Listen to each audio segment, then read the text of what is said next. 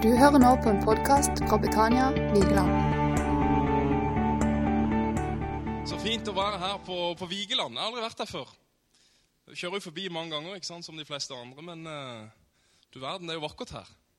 Og så har det den flotte elva oppover her også, som har hørt er laks i. Jeg er glad i å fiske laks. Uh, mitt navn er Fredrik Tybakken. Uh, jobber for Åpne dører. Det er jeg veldig glad for. Gift med Katrine, og så har vi to barn. Bor i Kristiansand. Åpne dører. Eh, jeg skal ikke snakke så veldig mye om organisasjonen i dag. Det kan vi snakke om etterpå under kaffen hvis du har lyst og er interessert i det. Eh, men vi jobber eh, for det ene målet om at ingen skal stå alene under forfølgelse i denne verden. Ikke en kristen bror eller søster må stå alene og bli plaga, bli slått, trakassert fordi han tror på Jesus Kristus. For vi er én familie, vi er én kropp. ikke sant? Det ble nevnt altså innledningsvis. Ja vel, så da skal vi stå sammen med dem. Så vi gjør alt vi kan verden over for å stå sammen med de forfulgte. Vår familie. Så eh, vi, alt vi gjør, er styrt av deres behov. Vi er i over 70 land i denne verden. Vi er, vi er store. Og vi er der ute hvor det er vanskeligst å være som kristen. Um, mens i dag har jeg lyst til å gi dere et budskap. For det, det er noe av det vi, vi, ønsker å stå der nede eh, blant de forfulgte. Men så ønsker vi også å lære noe av de forfulgte. For det er jo ikke sånn at de det er den svake kirke, og vi er den sterke kirke fordi vi hjelper de. Nei. Vi opplever en enorm tro og en enorm overgivelse blant kristne verden rundt som vi i Norge har masse å lære av. Og Det er noe av det som jeg har lyst til å formidle i dag. Det var sånn at eh, eh, Jeg studerte i England i en periode av eh, studietida mi. Og der, eh, der, eh, Når de kristne samles der, så har de en sånn, eh, en sånn greie. Det de sier 'God is good', sier gjerne han på talerstolen. Eller 'God is good'. Og så sier forsamlingen 'all the time'. 'God is good', sier den andre. Har dere hørt om det før? Dere har hørt den? Skal vi ta den på norsk? Hvis jeg sier 'Gud er god', så sier dere alltid Og så sier jeg 'Gud er god'. Skal vi ta den? Én, to, tre. Gud er god. Alltid. Gud er god. En gang til. Gud er god. Gud er god. Fantastisk. Takk for at jeg var med på den. For um, en uh, tid tilbake så var jeg sammen med han som er leder for arbeidet til å åpne dører i det sentralasiatiske området. Altså type Usbekistan og Turkmenistan. Skal vi se om vi får denne til å virke. Nå minner kalenderen meg på at jeg må være her.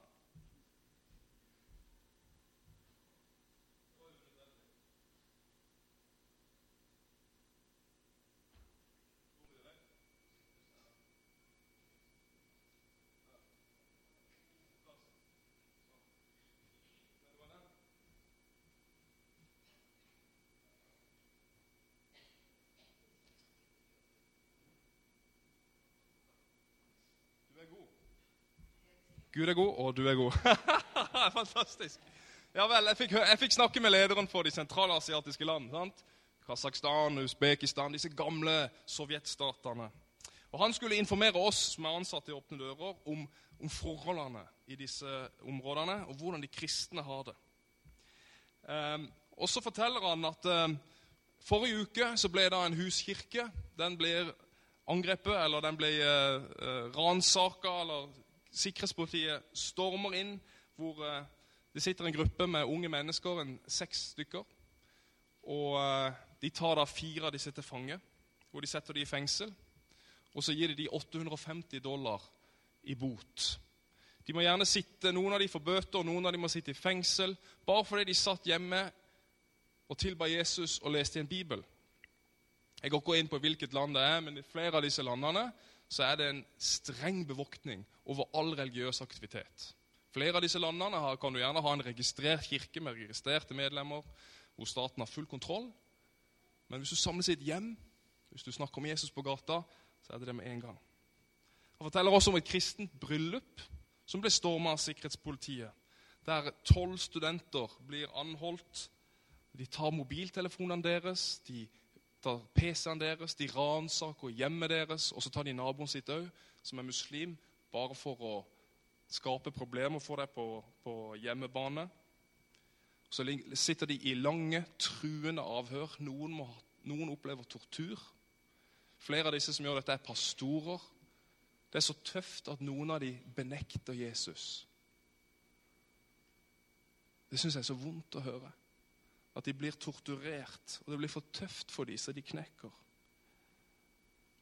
Noen av disse som ble tatt i dette bryllupet, det var unge eh, jenter i 18-19-årsalderen som eh, skulle levere eksamen nå i mai på universitetet sitt. Men fordi de ble tatt i dette kristne bryllupet, så ringer politiet til universitetet så sier de at disse jentene er en del av en sekt. Så de får ikke lov til å ta eksamen. Tenk deg, Du jobba, du har studert i mange år. Dette var flinke jenter. Så sier politiet nei, du får ikke lov. Du får ikke lov til å ta din eksamen. Tenk på konsekvensene av det. Dette er hverdagen til kristne i Sentral-Asia. Ensomhet, det er usikkerhet, det er frykt, det er trakassering, det er fengsel. En normal, tøff dag. Jeg kunne ha snakka i hele dag om forferdelige hvordan de blir trakassert i dette området. Men så er poenget, da. Likevel så sier Alexander, som forteller disse historiene, at, at det jeg skal fortelle dere i dag, sier han, det handler ikke først og fremst om all denne lidelsen og den forfølgelsen som de kristne erfarer. Men det jeg skal fortelle dere om dag, det handler om en god Gud. Det handler om en god Gud. Han er med oss uansett omstendighet. For han er så stor, og han er så uendelig god. Tross masse lidelse så er han verdt alt.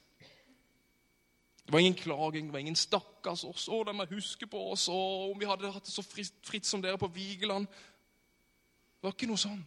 Det var ikke misunnelse. Nei, Gud er god.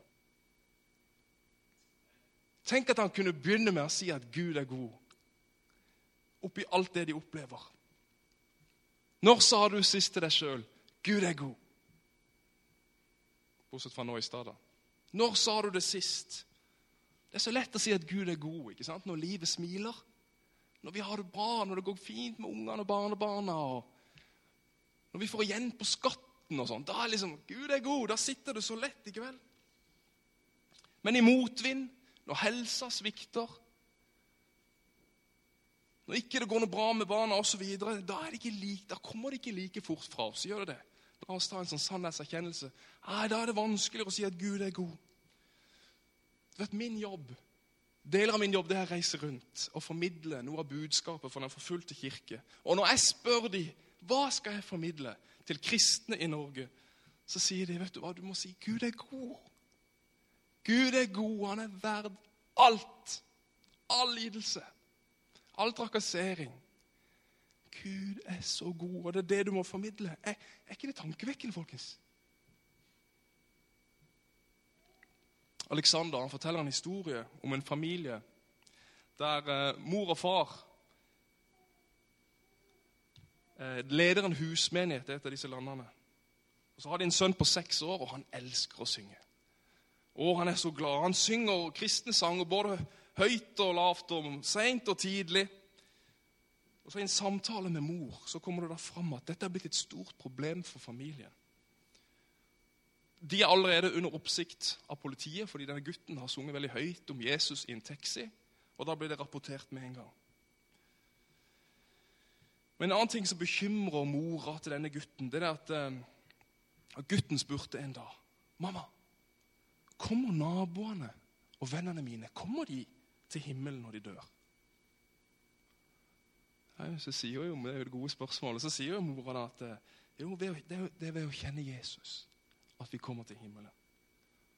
Og da sto det jo helt tydelig og klart for denne seksåringen at da må jo jeg fortelle om Jesus til alle i mitt nabolag og på skolen. Men da fortviler jo mora. For hvis han gjør det, så fører det til store problemer for familien, som driver en hemmelig husmenighet, som er aktive kristne i et lukka land. Så hun fortviler. Hvis han forteller videre om Jesus, så blir dette et problem for oss. Men på den annen side, sier hun, sårt ifra sitt hjerte Men hvis jeg forbyr gutten min å fortelle om Jesus til andre, så er jeg så redd for at han skal vokse opp uten å lære å dele evangeliet. Og, det, Og da, og da spør hun hva skal jeg si til min sønn, spør hun Aleksanderen da. Og Alexander han sender en mail til alle ansatte i Open Doors, eller Åpne dører. Hva skal jeg fortelle denne mora? Hva skal jeg si? Hva skal jeg si til min sønn? spør hun. Jeg vet ikke hva du ville sagt. Nei, du må alt for alt i verden ikke fortelle. Eller hva skulle vi ha sagt? Det er vanskelig. Noe, jeg vet ikke om du har barn, men har du noen gang kjent på frykten for at dine barn skal vokse opp og ikke lære å dele evangeliet? Reell frykt for det. Nå for tida så har jeg en reell frykt for at dattera mi aldri skal forstå at dette er en L. Hun går i første klasse, så vi jobber med L-en. Hun glemmer den hele tida. Det er min frykt. Men fordi så er Gud så god at det å ikke lære å formidle den godheten til andre, det er en smerte de går på og bærer på. Og jeg tenker at det er svært, svært tankevekkende. Jeg tar deg kjapt innom World Watch List, som er et omfattende studie som vi gir ut hvert år i januar, som lister opp de 50 verste landene å være en kristen. Nord-Korea er det som topper denne lista. Det er jo veldig fokus i media eh, for tida. Der har vi jobba i mange mange år, og vi er i kontakt med flere tusener av kristne som lever i fullstendig isolasjon. Kan, altså, de kan ikke samles. Da må de, da må de, det er livs, livsfarlig. Egen bibel er livsfarlig. Det er veldig veldig krevende å ha en tro der. Likevel så vokser, vokser evangeliet og troen der borte. Men Sentral-Asia, altså de, disse røde områdene her, de dypest røde der, det er der det er tøffest. Og du ser jo at det, det handler stort sett om Midtøsten og Nord-Afrika. Men eh, Sentral-Asia, som jeg har litt fokus på i dag, der er det bare voksne. De har fem land på topp 50. Og Det jeg har lyst til å si om, om Sentral-Asia det, det, er et område man, man, gjerne ikke tenker så mye på. Det er ikke så mye fokus på det i media. De ligger liksom klemt oppimellom uh, Kina, og så har du Afghanistan og Pakistan og, og Russland i nord. Det er litt sånn, det er litt glemt. Det er en bakgård blant noen stormakter og uro, i urolige områder. Men der vokser forfølgelsen veldig sterkt. Og Det som er, det som er Kjennetegnet ved denne menigheten i Sentral-Asia, som er voksne, det er at det er veldig mange unge der. Du vet, På 80-90-tallet, når Berlinmuren falt og Sovjet og kommunistveldet på en måte åpna opp dørene og falt, så vokste menigheten der inne. Også islam vokste, religiøs aktivitet vokste, men det var mange som ble kristne på 80- og 90-tallet. Og Disse føder altså sine første barn nå. Og Den første generasjons menighet vokser opp i Sentral-Asia så det er unge mennesker som da møter forfølgelsen. Og de trenger vår støtte, de trenger våre bønner, de trenger vår hjelp. Ellers så knekker det. Så Vi trenger å be for Sentral-Asia. Jeg er veldig hjerte for dem. At det er så mange unge i dag som møter denne tøffe forfølgelsen. De har ikke så dype røtter. De har ikke den historien som vi har her. Derfor er det så viktig å sette fokus på det. Jeg vil bare fortelle en kjapp historie om eh, en gutt som skulle begynne på skolen der. Det er en sann historie. Foreldrene er kristne. De driver en blomsterforretning. Og mora binder han en flott bukett til første skoledag. Og så Han er jo så spent ikke sant? og stolt skal begynne på skolen. og Han sitter der i klasserommet, og læreren og rektor står foran. Og En etter en så blir de ropt opp og 'velkommen til skolen', 'vi er stolte over å ha deg her', og 'lykke til', osv. Så, videre. så blir hans navn lest opp, han reiser seg, han går fram for å gi denne buketten. Men du, sier han, du er en skam for denne skolen, fordi du er en del av en sekt. Det det, det, det du og din familie driver med, det er en skam for oss. Det ble sagt over denne gutten. Så tar, han, tar rektoren buketten og kaster han. Det en historie vi lett kan glemme. Men tenk hvordan det vil være for denne gutten. Og fortsatt tro på Jesus, som mamma og pappa sier. Det, han er under disiplgjøring av mor sin mor og far. Men ha den første skoledagen, når rektor tråkker på buketten Helt sann historie. Sånn er det for den første generasjons kristne i Sentral-Asia. Men Gud er god. Gud er god. En gang til. Gud er god. Gud er god. Så bra. Vi har de unge med oss her. Ja, så bra. Spørsmålet er om vi stoler på. Stoler vi på at Gud er god? Gjør vi det? For hvorfor? Hvordan kan Gud være god når, når kristne opplever denne type lidelser? Når det er så mye forfølgelse? Eller for den saks skyld, du opplever så mye smerte i ditt liv. Hvordan kan Gud være god? Hvordan kan han tillate dette mot sitt folk? Jeg vet ikke om du vet at det å lide for troen på Jesus, den er veldig bibelsk. Det er en del av det å følge Jesus og ha det tøft. Dette bibelverset er sikkert ditt favorittvers. Alle som vil leve et gudfryktig liv i troen på Jesus Kristus, skal bli forfulgt. Jeg vet ikke om du har sånn rød tusj over den, men Spørsmålet er om dette er sant eller ikke. Eller om det skal kontekstualiseres og settes inn i den første kristne tid. eller her kan vi, ha en, vi kan dykke ned i dette bibelverset. Vi skal ikke gjøre det. Men en ting som er sikkert, at budskapet om lidelse og forfølgelse det ligger det er tydelig bibelsk. Bare si litt om det.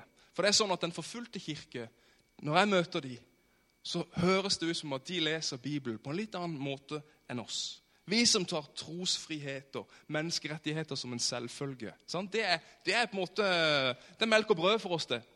Selvfølgelig, Vi har våre rettigheter. Jeg skal få lov til å tro på hva jeg vil. og menneskerettigheter, bla, bla, bla. Men sånn er det ikke for disse menneskene og våre brødre og søstre der ute. Et par historier. Salme 23, den kjenner du. Eh, fantastisk rike ord. Herren er min hyrde. ikke sant, Salme 23. Fantastisk rike ord som vi leser, og som vi kan ta til oss og som vi kan eh, bruke inn i hverdagen vår på ulike måter. Men jeg tror en russisk evangelistfamilie var ganske nær salmens opprinnelse når de opplevde følgende. De hadde dekka bordet i denne lille stua si. De skulle spise eh, en, eh, en middag ut ifra det lille de hadde av mat. Dette er tilbake i sovjettida, langt oppe i Sibir. Og før de, før de spiser maten sammen som familie, så leser far Salme 23. Og så ber de for maten. Og I det samme de begynner å spise, så stormer sikkerhetspolitiet inn fordi de vil arrestere denne evangelisten. Og Da reiser han seg opp og så sier han, 'Takk for at dere kommer hit og oppfyller Guds ord for oss.' Vi hadde satt fram maten, men vi hadde ingen fiender. Jeg dekker bord for deg foran dine fiender. Står det ikke det i Salme 23? Jo, det gjør det. Denne salmen er jo skrevet under forfølgelse. David er på flukt fra Saul. ikke sant? Han er ensom i en hule og redd for sitt liv. Men allikevel så fokuserer David på det vakre og fredfulle som Gud omgir han med. Og ikke minst at Gud er med han gjennom alt. Midt i det vonde. Det er jo bakgrunnen for Salme 23. Ron Boyd Macmillan, en av forfatterne i, Åpne dører, for mange år siden så møtte han en, en eh, evangelist i det tidligere Tsjekkoslovakia. Gamle historier, dette her, men de er fine. Um, og Denne evangelisten som han møter der inne, han hadde ikke hatt noe full bibel å, um, å forkynne ut ifra. Han hadde bare noen små deler av Det nye testamentet. Og Med disse små bitene av Det nye testamentet så forkynner han evangeliet med stor kraft i Tsjekkoslovakia. Er det ikke artig? Han hadde ikke alt, han hadde noe, og han bare kjørte på. Så gir Ron Boyd han gir han en bibel. Vær så god, gode broder, her har du en hel bibel. Og du vet at eh, Evangelisten han trykker Bibelen inn til brystet sitt. Og så sier han, 'Å, tusen takk. Har du hatt den lenge?' Nei, vær så god, vær så god, den skal du ha. Å, hvilke vidunderlige problemer har denne Bibelen gitt deg? Hvilke vidunderlige problemer har denne boka gitt deg? For et paradoksalt spørsmål. Jo, det er litt sånn det er. Bibelen er full av paradoksale problemer.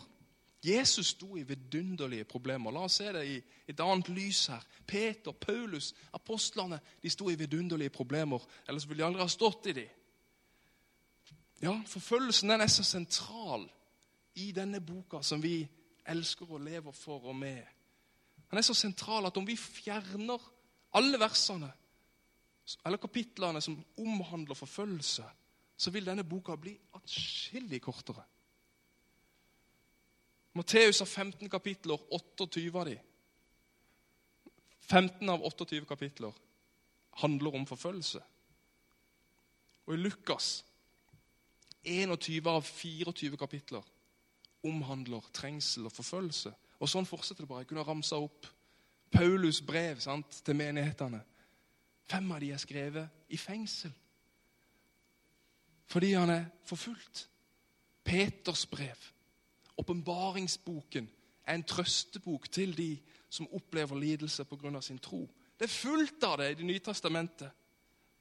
Så det er liksom sånn at Hvis ikke vi forstår at trengsel og forfølgelse fordi du tror på Jesus Kristus Hvis vi ikke vil vite av det, eller hvis vi skyver det vekk, eller hvis ikke vi klarer å lese Guds ord i lys av det, så kan vi heller ikke forstå den fulle og hele sannhet. Dette er kjempeviktig. Men sånn er det. Johannes 15. Jesus sier, 'Har de forfulgt meg, så ja, da vil de også forfølge dere.' 'Har de holdt fast på mitt ord, vil de også holde fast på deres.' Den som valgte å følge Jesus i den første menighet, de som de som sa 'Yes, jeg vil følge deg, Jesus', jeg tror de, de skjønte med en gang at dette ville føre til utfordringer. Dette ville bli et krevende liv. Blant annet også fordi Jesus sa noe annet, som han sier at den som vil følge meg, må ta sitt kors opp, fornekte seg selv. For den som mister sitt liv, skal finne det, men den som vil berge sitt liv, skal miste det. Det var så tydelig, det var så høyt oppe på agendaen og i deres hverdag at de så at ok, dette kommer til å koste å følge deg, Jesus. Og Sånn har det jo vært for veldig veldig, veldig mange opp gjennom historien. Å være etterfølger av Jesus har kosta dyrt. Å holde evangeliet og kirken i live opp igjennom har mennesker betalt for dyrt, dyrt, dyrt. dyrt. Bare å bevare og beholde denne boka Hvor mange liv har ikke den boka kosta oss? Det er mange som ofrer sitt liv for å holde denne slik at vi kan holde den fritt i dag. Men, hva med oss, da? Hva med oss? Vi er jo vokst opp i en kultur eller under en historie der kirka kom i maktposisjon.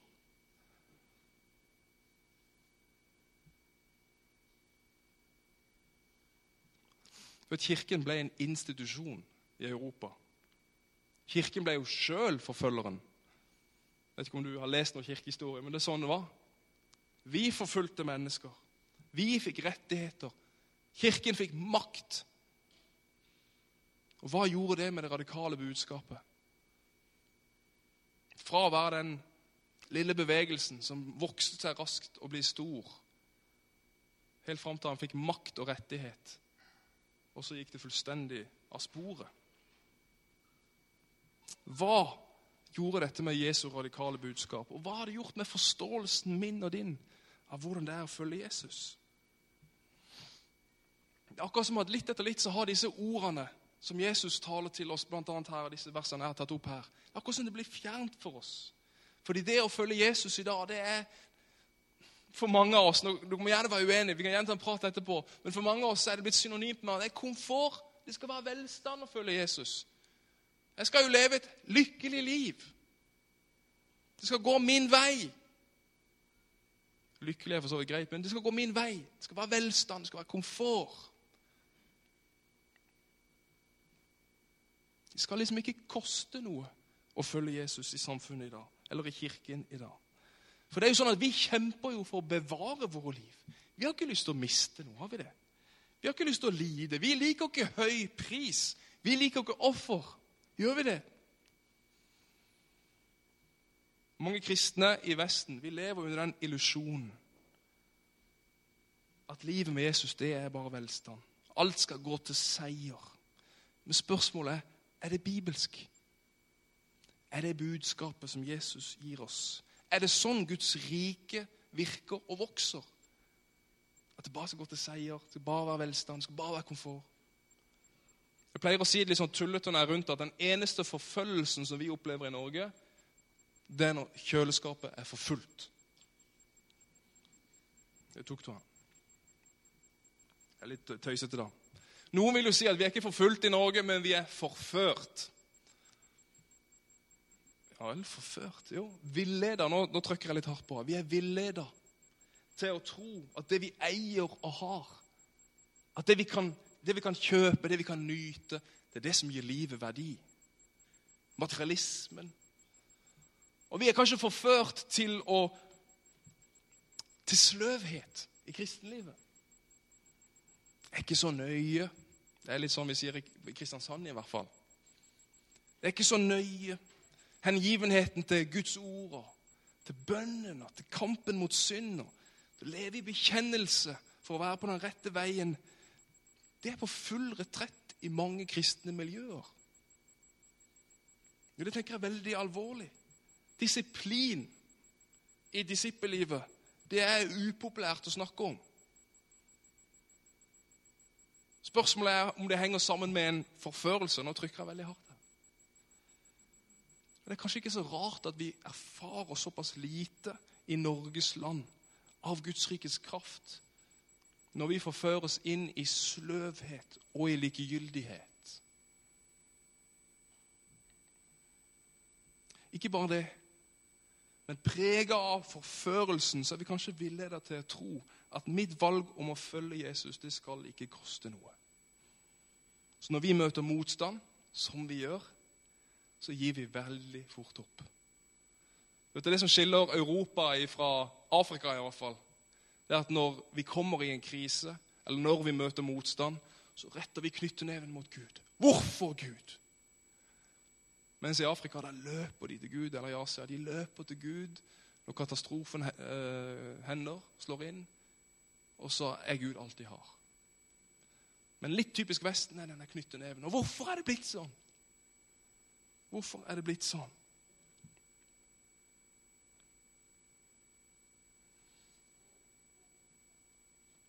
Den forfulgte kirke de er, ikke, de er ikke så redd for forfølgelsen. For de sier forfølgelsen den kan være hard, den kan være tøff, men den leder meg til Jesus, sier de. Mens forførelsen den er de livredd for. Fordi den fører oss ikke nærmere Jesus, den fører oss vekk ifra ham. Forførelsen den er ekkel, den er skummel, og den trekker oss vekk ifra Gud. Og han er jo alt vi har og vi kan stole på, sier de. Egentlig så er det kanskje ikke så rart at kirken i Vesten er på retur, for det er han. Europa tømmes for kristne. Mens den store veksten og vekkelsen skjer i den forfulgte kirke. Der det er tøft. Det er helt opp ned. Du vet, I dag er det tusenvis av muslimer som velger Jesus.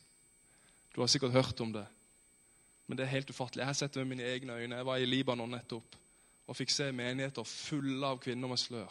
Søker Jesus. De er desperate. Det er fantastisk å se den vekkelsen som skjer. Iran, som har vært regna for å være et av de verste landene som kristne gjennom mange mange år, har vært fullstendig lukka.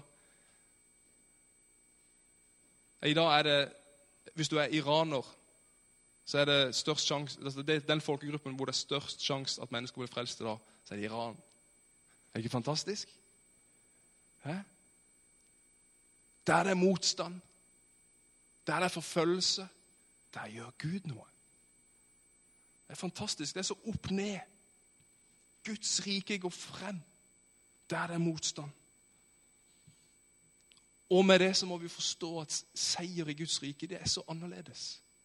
Det er fullstendig opp ned. Dette bibelverset her syns jeg er helt fantastisk. For din skyld drepes vi dagen lang. Vi regnes som slaktesauer. Har du, har du liksom, hvis vi hadde stoppa der nå, hører du hva du leser der? Her har vi forfølgelsesbakgrunn. Vi, vi, drepes dagen lang. Vi regnes som slaktesauer. Det er helt vilt, dette her. Men i alt dette vinner vi full seier ved Ham som har elsket oss. For jeg er viss på at verken død eller liv, verken engler eller krefter, Verken det som nå er, eller det som kommer, eller noen makt. Verken det som er i det høye eller i det dype, eller noen annen skapning skal kunne skille oss fra Guds kjærlighet i Kristus, Jesus, vår Herre. Vet Du kan drepe meg, sier de. Du kan, gjøre, du kan torturere meg, du kan gjøre hva du vil. Du kan sette meg i fengsel. Men du kan aldri skille meg fra min Herre og Frelser Jesus Kristus. Du kan drepe meg, men jeg går bare hjem. Altså, Det er noe med perspektiver på livet her som er så enorme. Gud er god. Gud er god. Du vet, Fremgang i Guds rike det ligner ikke på fremgang sånn som det er i denne verden. Det er ikke med bomber og med granater og med murer og med atombomber som er det som er fokus i dag. Guds rike går ikke fram i, i, at vi må ha rettigheter eller vi må ha komfort eller vi må ha makt. Nei, du vet når Gud spenner sin muskel, så er det Jesus Kristus hengende på et kors. Det er sånn det ser ut. Det er Guds kraft. Jesus Kristus hengende på et kors som gir sitt liv for meg og deg, som gir sitt liv for mennesker. Du vet, Golgata det er det ultimate eksempel på hvordan Gud seirer. Vi trenger ikke frykte for det vonde, for smerte, for forfølgelse. For Gud har seira på et kors.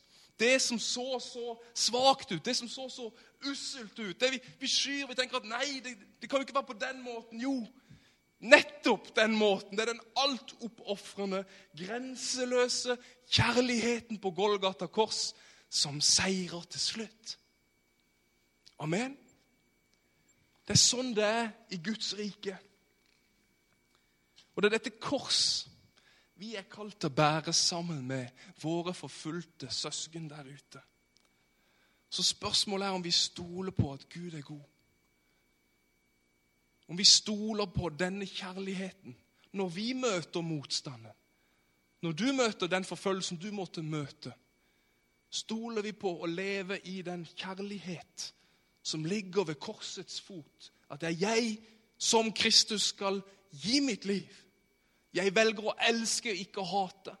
Jeg velger å tilgi og ikke holde noe imot. Jeg velger å vende det andre kinnet til. Fordi Gud er god. Fordi Gud er god.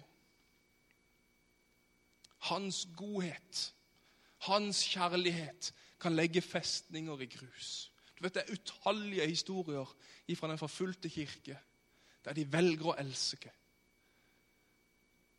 Og man kan se nei, nei, nei. Dette går dårlig. Dette, nå mister vi fotfestet. Nå mister Kirken sin makt. Det er nå Endelig får vi tatt livet av de kristne. Men du vet, det er det motsatte som skjer. Se på Kina i dag. Som har vært, de har vært, trakassert og forfulgt det folket der i, i mange mange tiår. Aldri vært så mange kristne i Kina som i dag. Og Dette har vi noe å lære av, folkens. Våger du å miste ditt liv? Våger du å takke Gud og si at Gud er god midt i din lidelse? Stole på at søren heller jeg skulle tatt igjen. Han hun skulle bare hørt, de skulle fått sånn. Velger å tilgi. Velger å elske de som ikke elskes kan omtrent. Vi skal se en film før jeg avslutter helt eller en historie.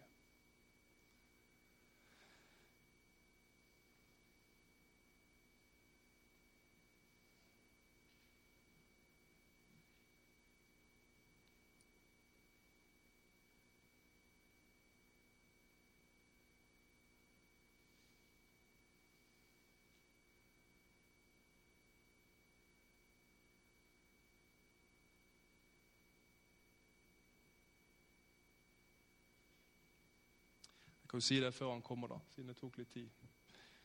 At, um, at hvis du har lyst til å, å, å, stå sammen med oss i Åpne dører for den forfulgt kirke Det er fantastisk rikt. Så har, vi, så har jeg en liten stand eh, ved kaffen etterpå, så du må gjerne komme og snakke med meg.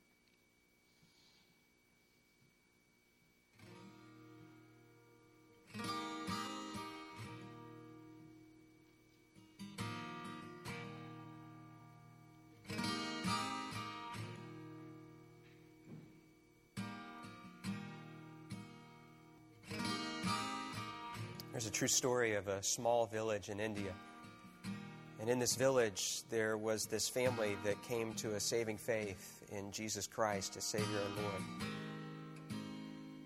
This agitated the village so much, and everybody became so upset that an angry mob gathered and shoved them into the public square. The village chief confronted them, and he said to the man, If you and your family will not recant your faith, you all will surely die. The man didn't know what to say or what to do. And so the only thing that came to mind for him were the words of a song that he himself had composed when he had first surrendered his life to God. And so he began to sing, I have decided to follow Jesus. No turning back. No turning back. And with that, horrifically, his children were killed. I have decided to follow Jesus. I have decided to follow Jesus. I have decided to follow Jesus. No turning back, no turning back.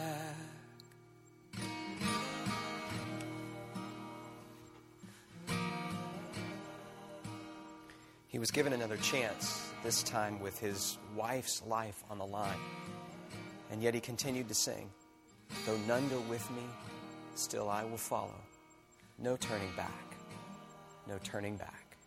Though none go with me, still I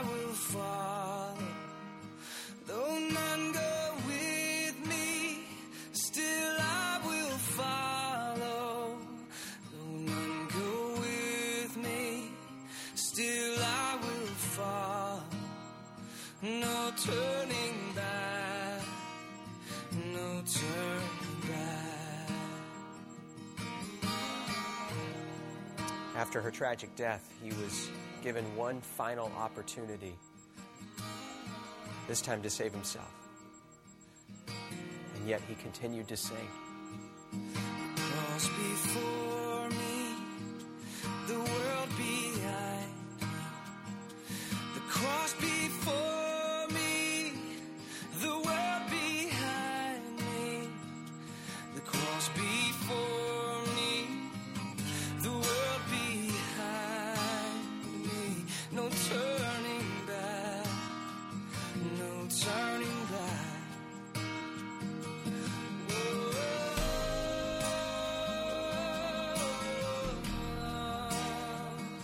That man and his family died on that day, something remarkable happened. A seed was planted in the heart of that village chief, a seed that began to grow over time. And eventually, he called the community together in that very same neighborhood, in that very same square. And he renounced his former faith and declared his allegiance to Jesus Christ. And a celebration broke out in that moment, and the gospel began to flourish and to grow in that community, not just in that village, but across the whole region. Because they had seen real faith, and they knew the true character of God because of a family that believed and sacrificed, even under the penalty of death. No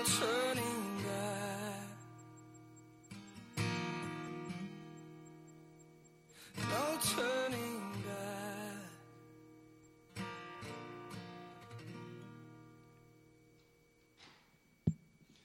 Ja, Jesus, vi, eh,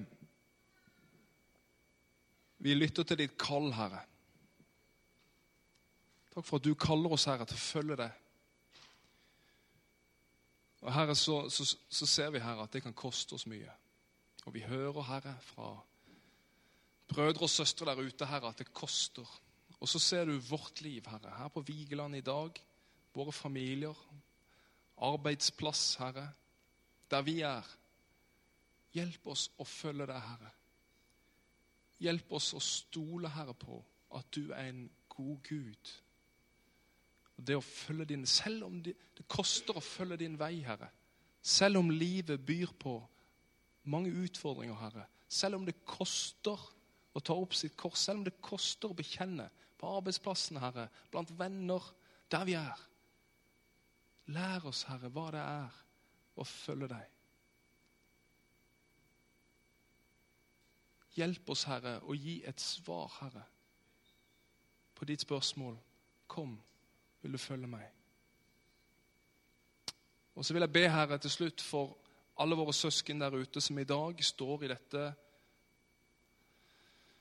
i det tøffe livet, Herre, der det daglig oppleves veldig tøft, Herre. Jeg ber spesielt for alle de barna, Herre, alle de unge voksne, Herre, som står i Sentral-Asia i dag. Og som kanskje frykter, Herre. De lever isolert, de lever i frykt, de er overvåka. Herre, jeg ber spesielt for den som måtte kjenne på jeg vet ikke om jeg orker dette mer. Den som er i ferd med å gi opp. Den som tenker at nei, nå flytter jeg, det er ikke verdt å være her lenger. Jeg ber om at du skal trøste, du skal styrke. Herre, du må helbrede. Du må åpenbare deg, Herre. Du må, du må gjeste dem. Slik at de får, Herre, kraft og mot til å stå. Og du velsigne, Herre, alle de kristne, alle menigheter, Herre, alle fellesskap i Sentral-Asia, Herre, og verden rundt. Må du åpenbare deg som den store, gode Gud du er. Vi takker deg, Herre, for at vi får lov til å være en del av din kropp, vi også. Takk, Herre. Amen.